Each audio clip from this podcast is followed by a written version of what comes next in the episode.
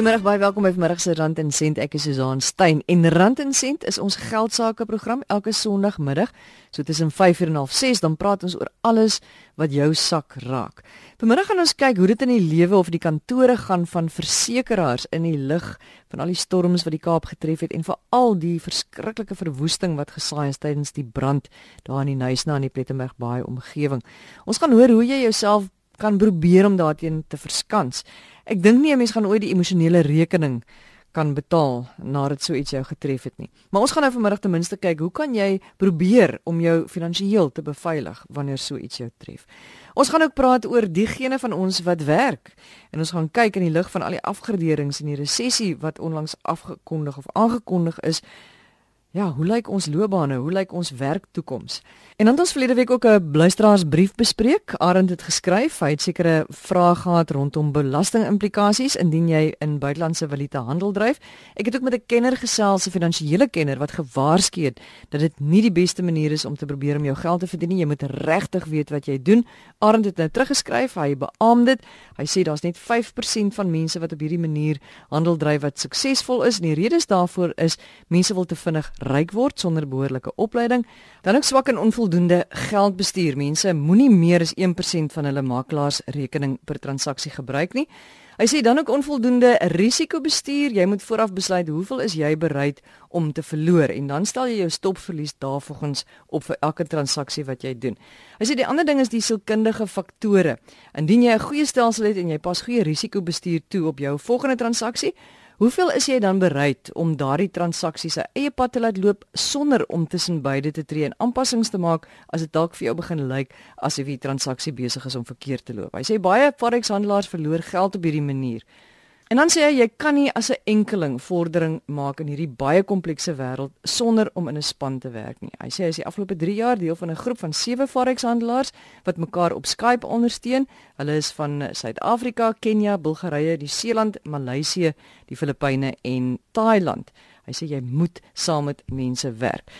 Aaron baie dankie vir jou brief en uh, alle luisteraars as julle ook vra het of julle het voorstelle of jy het waarskuwings, miskien 'n belegging wat vir jou skeef geloop het of 'n belegging wat dit vir jou uh, baie goed doen, stuur vir my 'n e-pos susaan@rsg.co.za. Maar kom ons gaan voort met vandag se program. Marike van die kerk sit nou al 'n hele rukkie by my in die ateljee. Sy is van MEA Versekering. Hulle is korttermynversekeraars. En Marike in die lig van die Kaapse storm soos ek net nou gesê het en dan nou veral die groot skade wat gelei is as gevolg van die verwoestende brande daar in die Plet en Nuisna gebied gaan dit seker verskriklik rof op die oomblik in kantore van Suid-Afrikaanse versekerings. Dit is absolute chaos. Ek dink elke versekeraar se kantoor is lekker deurmekaar. Die eise stroom in, die kennisgewing stroom in. Ehm um, die versekeraar storm ook na die area toe vir al die assessors om te gaan seker maak dat die mense se huise staande is, die bietjie wat nog staande bly. Ja. Maar wat hoor jy? Hoe lyk dit in die omgewing?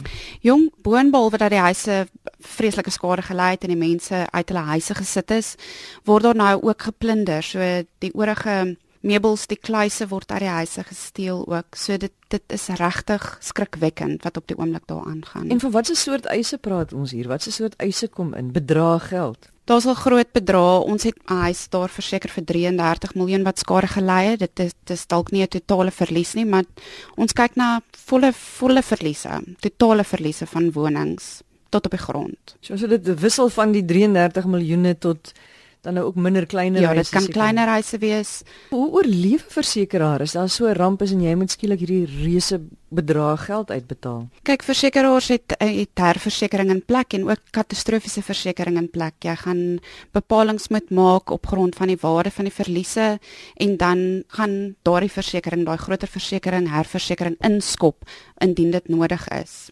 Weet jy, ek het my motor voor die SABC parkeer toe ek die Woensdag kom werk het. En ek het gedink, "Oek, wat is 'n golf nou kom in die klein karretjie wegslaan?" En toe dink ek, "Ag, maar ek is darm gelukkig verseker." En toe dink ek, "Maar is ek verseker?" Jy weet 'n mens moet seker maak dat jy verseker is vir so iets, want dit is nie as jy motor verseker is, is dit nie te sê dat jy verseker is teen so 'n soort natuurramp nie. Ek sê altyd dit is dis goed om op te tree asof jy nie versekerings het nie ten alle tye. So wanneer jy twyfel of jy versekerings het, moet iets verkieslik nie doen nie, maar kontak jou makelaar, maak seker dat jy weet presies wat in jou polis staan, waarvoor jy gedek is, waarvoor jy nie gedek is nie. En as daar twyfel is, vra jou makelaar, vra jou versekeraar direk. Watter stappe kan ons doen om te voorkom dat ons daai versekerings nodig gaan hê of daai eis gaan moet instel? Veral vir stormskade voor die wintermaande kom, is dit nodig om jou dak na te gaan, jou waterdigtheid van jou dak. Maak seker dat daardie goed ten minste elke 2, 3 jaar nagegaan is. Die grootste eise wat ons skryf, die meeste eise in die wintermaande sal vir stormskade wees en dan water binne in die huise wat wat skade aan die inhoud van die huis veroorsaak. So maak seker want as daardie skade deur die dak veroorsaak is, word dit as gevolg is van nalatigheid gaan dit uitgesluit wees en gaan jou jou huisinhoud wat skade gelei het moontlik ook uitgesluit wees. En as jy byvoorbeeld ys vir lekke aan jou dak en hulle kom agter daai lek is eintlik veroorsaak omdat jy die afgelope 5 jaar nie jou dak in stand gehou het nie, gaan dit ook nie uitbetaal word. Dit gaan definitief nie uitbetaal word nie. Ander stappe wat jy kan neem wanneer dit kom by voertuie spesifiek sal wees, maak seker dat jou bande vervang word wanneer dit vervang moet word. Wanneer die wintermaande kom en ons water in die paaie, dis baie belangrik dat jou bande die water kan verplaas jou ruitveers, dit moet vervang word. Maak seker dat jy kan sien wanneer jy bestuur. Jou skoorstene by jou huis, jou kaggels, jou skoorstene by jou braai area, jou geete. Sorg dat dit nagegaan word vir plante wat groei daarin verwyder word, want dit veroorsaak opdamming van water wat dan ook verder waterskade aan die huis kan veroorsaak. Skoorstene wat aanpaksels het wat aan die brand slaan, veroorsaak dat dakke aan die brand slaan, huise afbrand. Maak seker die goed wat jy in jou eie beheer kan neem geneem word. Maak seker dat jy verhoed dat jy skade ly, want op die ou ene van die dag moet jy optree asof jy nie versekerings het nie. Daar is sommige gevalle waar jy dink jy verseker is vir iets wat daar 'n uitsluiting op die polis gaan wees. So maak seker dat jy optree proaktief. Kan jy byvoorbeeld vir my 'n voorbeeld gee van sien maar eise wat jy nou al hanteer het of foute wat mense maak en hulle dink ag ek is lekker verseker en dan net om agter te kom o gats ek is nie heeltemal nie. Algemene foute wat die mense maak wanneer dit by eise kom is wanneer hulle terughou om die eis in te dien. Dien jou eis in so vroeg moontlik. Word gelei deur die proses van die versekeraar self. Hulle sal vir jou lei om te sê jy het 'n kwotasie nodig of ons sal 'n kwotasie kry. Ons kan iemand uitstuur of jy moet iemand uitkry om te kyk na 'n spesifieke geval. Waar waterskade byvoorbeeld in die huis plaasvind, waar dit syfer onder deur 'n deur. Waterskade is noodwendig is gewoonlik gedek in terme van jou polis, maar omdat daardie deur foutief is en jy dit gelos het vir maande en maande en maande en nou het jy skade, mag die versekeraar daarna kyk en dit uitsluit. Hulle kan dan ook die waterskade vir binne in jou huis ook uitsluit as gevolg daarvan dat dit oor 'n lang tydperk plaasgevind het. So moenie dinge los en dink ek het versekerings, ek sal oukei okay wees. Ek kan dit net eers los nie. Maar die mens moet onthou dat versekeraars deesdae al hoe strenger en strenger en strenger raak, ook juis omdat mense eise instel en dink ag ek eis sommer nog 3 ander goedjies by. Ja. Wees baie eerlik wanneer dit kom by 'n eis. Daar word assessors aangestel om spesifiek te kyk is die skade nuwe skade, voorafskade, is dit veroorsaak deur nalaat van instandhouding en onderhoud aan die aan die woning. Moenie 'n eis oor instel nie. Om nou terug te gaan na die na die vure in huis nou. Ek meen dis nie nou net een ou se huis wat afgebrand het en jy kan gaan kyk was sy bedrading foutief of was hy nalatig nie. Ek meen dit is 'n dit is eintlik 'n soort natuurramp wat plaasgevind het. Ja. En 'n hele klomp huise is daarmee heen. So wat sal die kriteria wees vir vir julle besluite vir daai soort skade? In hierdie gevalle dis dit word gesien as 'n rampgebied en ongelukkig is die oorsaak van die skade is brand. Dit is vuur wat normaalweg gedek sal wees deur 'n versekeringspolis.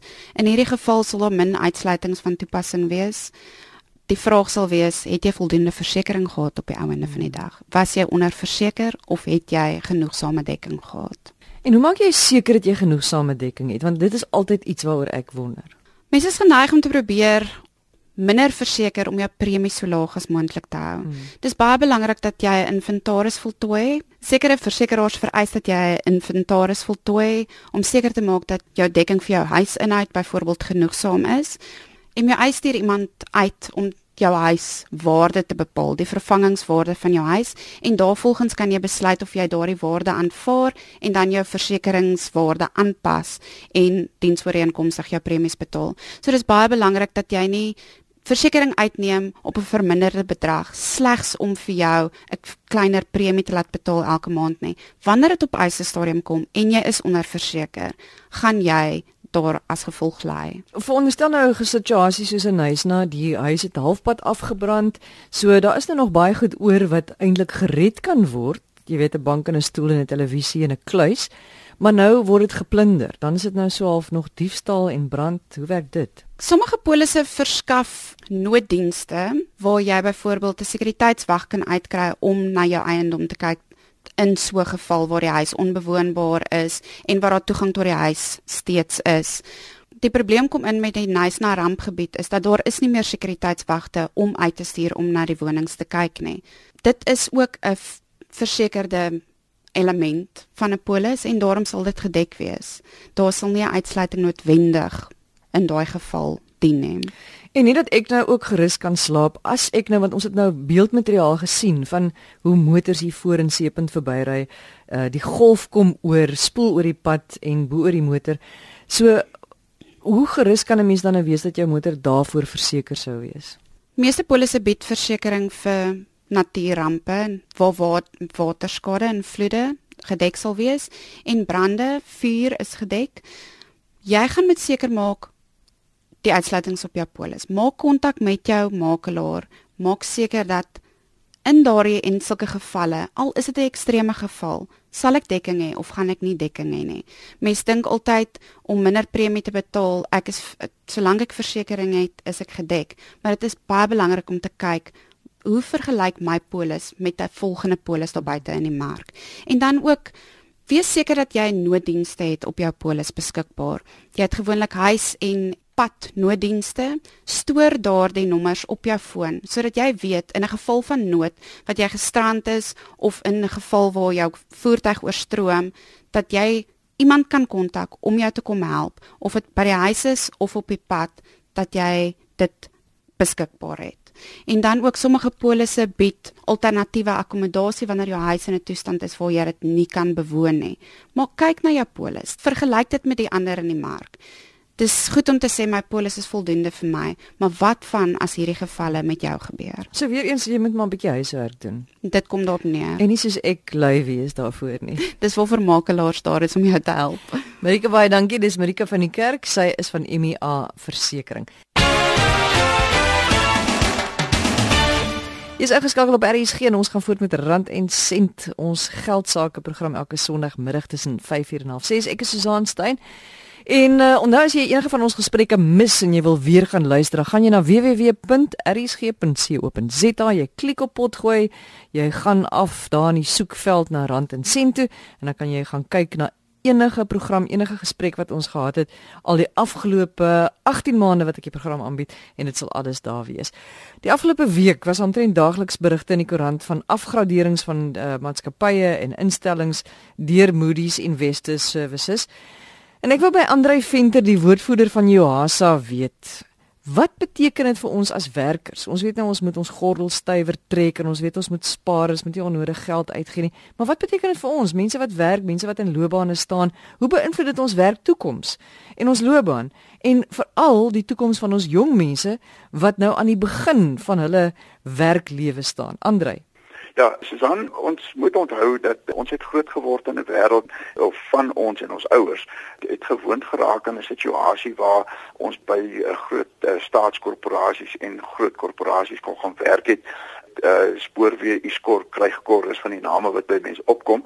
Dan dink ek ook net uh aan aan die mynbedryf byvoorbeeld. En nou is dit niks snaaks vir iemand om 35 40 sommige selfs 45 jaar diens te hê nie. En dan saam met dit uh het jy nou ook goeie voordele gehad. Jy het 'n goeie pensioenfonds gehad waaraan jy behoort het en dan ook mediese fonds en so meer. So jy het werksekerheid gehad en jy het goeie voordele gehad en wat baie van ons bedreig word op die oomblik is as gevolg van die afgradering as gevolg van swak ekonomie sit ons met 'n situasie dat daar grootskaalse verskralingsoefeninge is uh, uh deur verskeie organisasies.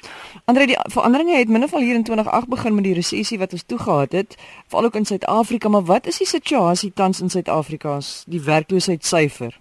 Ja, wat die gevolg was van 2008 met daai verskriklike resessie wat ons uh, beleef het, het werkgewers anders begin dink en uh, veral ons jong mense maar maar ook ander mense, ander werkgewers want almal reg deur die wêreld gaan maar na dieselfde skool toe. Maar uh, wat die wat die situasie is is dat veral jong mense kry nie meer 'n permanente werk nie. Hulle kry nie meer voordele nie. Jy weet hulle werk vir 'n kort tydjie en dan het jy of nie meer 'n werk nie, maar ehm um, jy werk miskien vir 'n sekuriteitsfirma of vir 'n restaurant en so meer. En uh jy kry nie kans om vir jou 'n loopbaan op te bou of om enige voordele soos 'n pensioenfonds en so nie.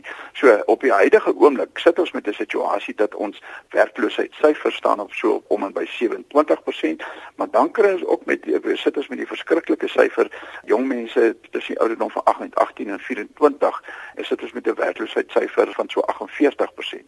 So jy kan sê amper 1 uit elke 2 jong mense wat in die straat sien afstap het nie werk nie. Wat gaan hierdie resessie en wat gaan die afgradering spesifiek doen aan ons werksituasie? wat die resessie aanbetref, uh, wat natuurlik die tegniese resessie wat aangekondig is en ook die afgradering, jy weet ons ons het gehoor dat die einde van van afgradering nog nie sy einde bereik het nie. Wat ons wel kan vind is dat die situasie nie gaan verbeter nie. Daar gaan nie ekonomiese uh, groei kom nie en ons kan meer en meer werkverliese kry en werkloosheid kan nog steeds verhoog. En die enigste manier hoe dit omgedraai kan word is as ons ander leierskap in die land kry. Ehm um, as ons 'n politieke leiers kan kry wat eerder lei as wat hulle gaan probeer regeer. So hulle moet 'n omgewing skep waar daai ekonomiese groei kan plaasvind en as daai ekonomiese groei plaasvind kan ons werk skep, meer werkers wat in 'n werksituasie is verbruik meer goedere, dan kan ons fabrieke begin werk en dit is maar hoe die ekonomie werk. Ehm um, so ons moet die ekonomie aan die gang kry enigste manier om dit te doen is om uh, beleggers vertroue te kry, mense wat weet in ons land glo en dat jy mense glo en politieke leiers glo en uh, dat ons ekonomie so aan die gang kan kry. Maar Andre, goed, ons sit nou in hierdie situasie. Jy weet en ons kan nou kyk na die leierskap en ons weet almal wat die situasie daar rondom is, maar wat kan mense doen? Wat kan ek doen? Wat kan jy doen? Wat kan uh, my buurman doen? Intussen Ek dink punt nommer 1, die belangrikste van al van dit alles is as jy bevoorreg is om 'n werk te hê, dan moet jy jouself onmisbaar maak. Jy moet sorg dat jy nie redes soek om oorlog te verklaar met 'n werkgewer of met jou bestuurder nie. Jy moet jou werk behou, kyk na jou werk want as jy jou werk nou gaan verloor, dan gaan jy baie moeilik weer 'n ander werk kan kry. So, kyk na jou werk, punt nommer 1, punt nommer 2 as gevolg van die ekonomiese toestand uh, wat ons tans beleef en die resessie en alles daarmee saam, moet ons maar die die uh, gordel styf trek en ons sente twee keer omdraai en ehm um, ja, ons moet maar net ons werk, ek wil dit net weer beklemtoon. Ons werk as ons in 'n werksituasie is, beskerm dit. Weet dit is 'n klein nood wat ons het op die oomblik en ons ons moet dit uh, werklik waar nie op uh, enige kanse waag uh, wat jou in 'n situasie kan stel dat jy jou werk kan verloor. Andre, en wat van wat is jou raad aan jong mense? Want ek dink jong mense is A, voel hulle bietjie moedeloos met alles wat hulle hoor hulle ouers sê en wat hulle sien wat gebeur en B, dink hulle ook 'n mens wil mos nou graag bo begin, jy wil mos nou nie graag half onder begin nie. Wat sou jou raad wees aan jonger mense? Die ding met jong mense is en daar's so 'n bietjie ehm, 'n um, statistiek wat nou net beskikbaar geraak het wat dit wil hê dat jong mense ehm um, so na 3 maande as hulle in 'n werksituasie is, dan is daar so 32% van hulle wat bedank, wat voel die werk is minder waardig of dit is te veel eisend en so meer. So raad aan aan jong mense is as jy 'n werk kan kry, gaan so ver as om dalk aan die begin self sonder vergoeding te gaan werk want wat die belangrikste is is is net om jou voet in die deur te kry om in die werkmag in te kom in 'n werksituasie in te kom dat jy kan begin bou aan ervaring ervaring is jou beste bate vir die toekoms. Kry jou voet in die deur, begin selfs met 'n minderwaardige werk, bou ervaring op. In die werksituasie kom jy ander mense en dalk ander verskaffers, ander werkgewers, vriende, familie kom 'n ou tee en kyk maar voortdurend rond of daar nie dalk beter geleenthede beskikbaar is nie. Maar weer eens belangrik, kry net jou voet in die deur, begin net werk sodat jy kan die ervaring opdoen en kyk dan uit vir ander geleenthede. En Andre, ek dink 'n baie belangrike ding wat 'n mens moet in gedagte hou en wat 'n mens nou maar geleer het deur die jare, is dit help nie jy gaan sit iewers op 'n hoop en jy neem ander mense kwaadlik of jy verwag van ander mense om die verandering te doen nie. Jy moet self begin werk daaraan. Ja, dit is so waar wat jy sê. Ehm um, die slegste ding wat 'n mens kan oorkom is om op moedverlose vlakte te gaan sit. Jy moenie vir jouself jammer kry nie. Jy moet ook nie die skuld op ander plaas nie. Alleen jy kan 'n verskil maak. Vul jouself met positiewe denke. Moenie te veel luister na doemprofete nie. Jy weet ons hoor so baie van mense wat uh, jy weet jy kry ons geweldige slim mense, familie en vriende en staan nie om 'n braaivleisvuur en dan vertel hulle vir jou hoe sleg dit gaan en naderhand glo jy hoe sleg dit gaan. Dan later uh, wil jy nie eers meer gaan kyk of gaan soek vir werk nie. Werkgeleenthede is daarso. So bly positief, kyk uit vir geleenthede, kry voet in die deur en begin met iets. Jy weet en van die mense wat baie goed vaar op die oomblik is byvoorbeeld uh, mense soos uh, haarkappers of ambagsmanne en so meer. Jy weet uh, om 'n geleentheid te kry om vir so 'n werkgewer te werk, bekwam jou later daarin en met dit kan jy self vir jou eie besigheid begin. So daar is geleenthede, kyk positief na dit en soek en daar sal wel vir jou geleentheid wees. Andre baie dankie vir daai bemoedigende woorde. Ek weet dit is nie altyd maklik om positief te bly as dinge dalk vir jou begin skeefloop nie, maar uh, ons het nie eintlik 'n keuse nie en die groot troos wat ons het is dat alles wat uh, afkom moet weer opgaan as dinge sleg gaan, moet dit in 'n stadium weer begin goed gaan. So alles van die beste vir ons luisteraars wat miskien vandag deur 'n moeilike tyd gaan. Dit is Andrei Venter, hy is die woordvoerder van die vakverbond Joasa. Dis die einde van ons program. Stuur vir my 'n e e-pos Susan@rsg.co.za. Dis S U Z A A N by rsg.co.za as jy vrae, voorstelle het of uh, jou goeie beleggingsnuus met ons wil deel. En dan praat ons volgende Sondagmiddag 5uur verder. Ek hoop dit is 'n mooi week vir jou. Totsiens.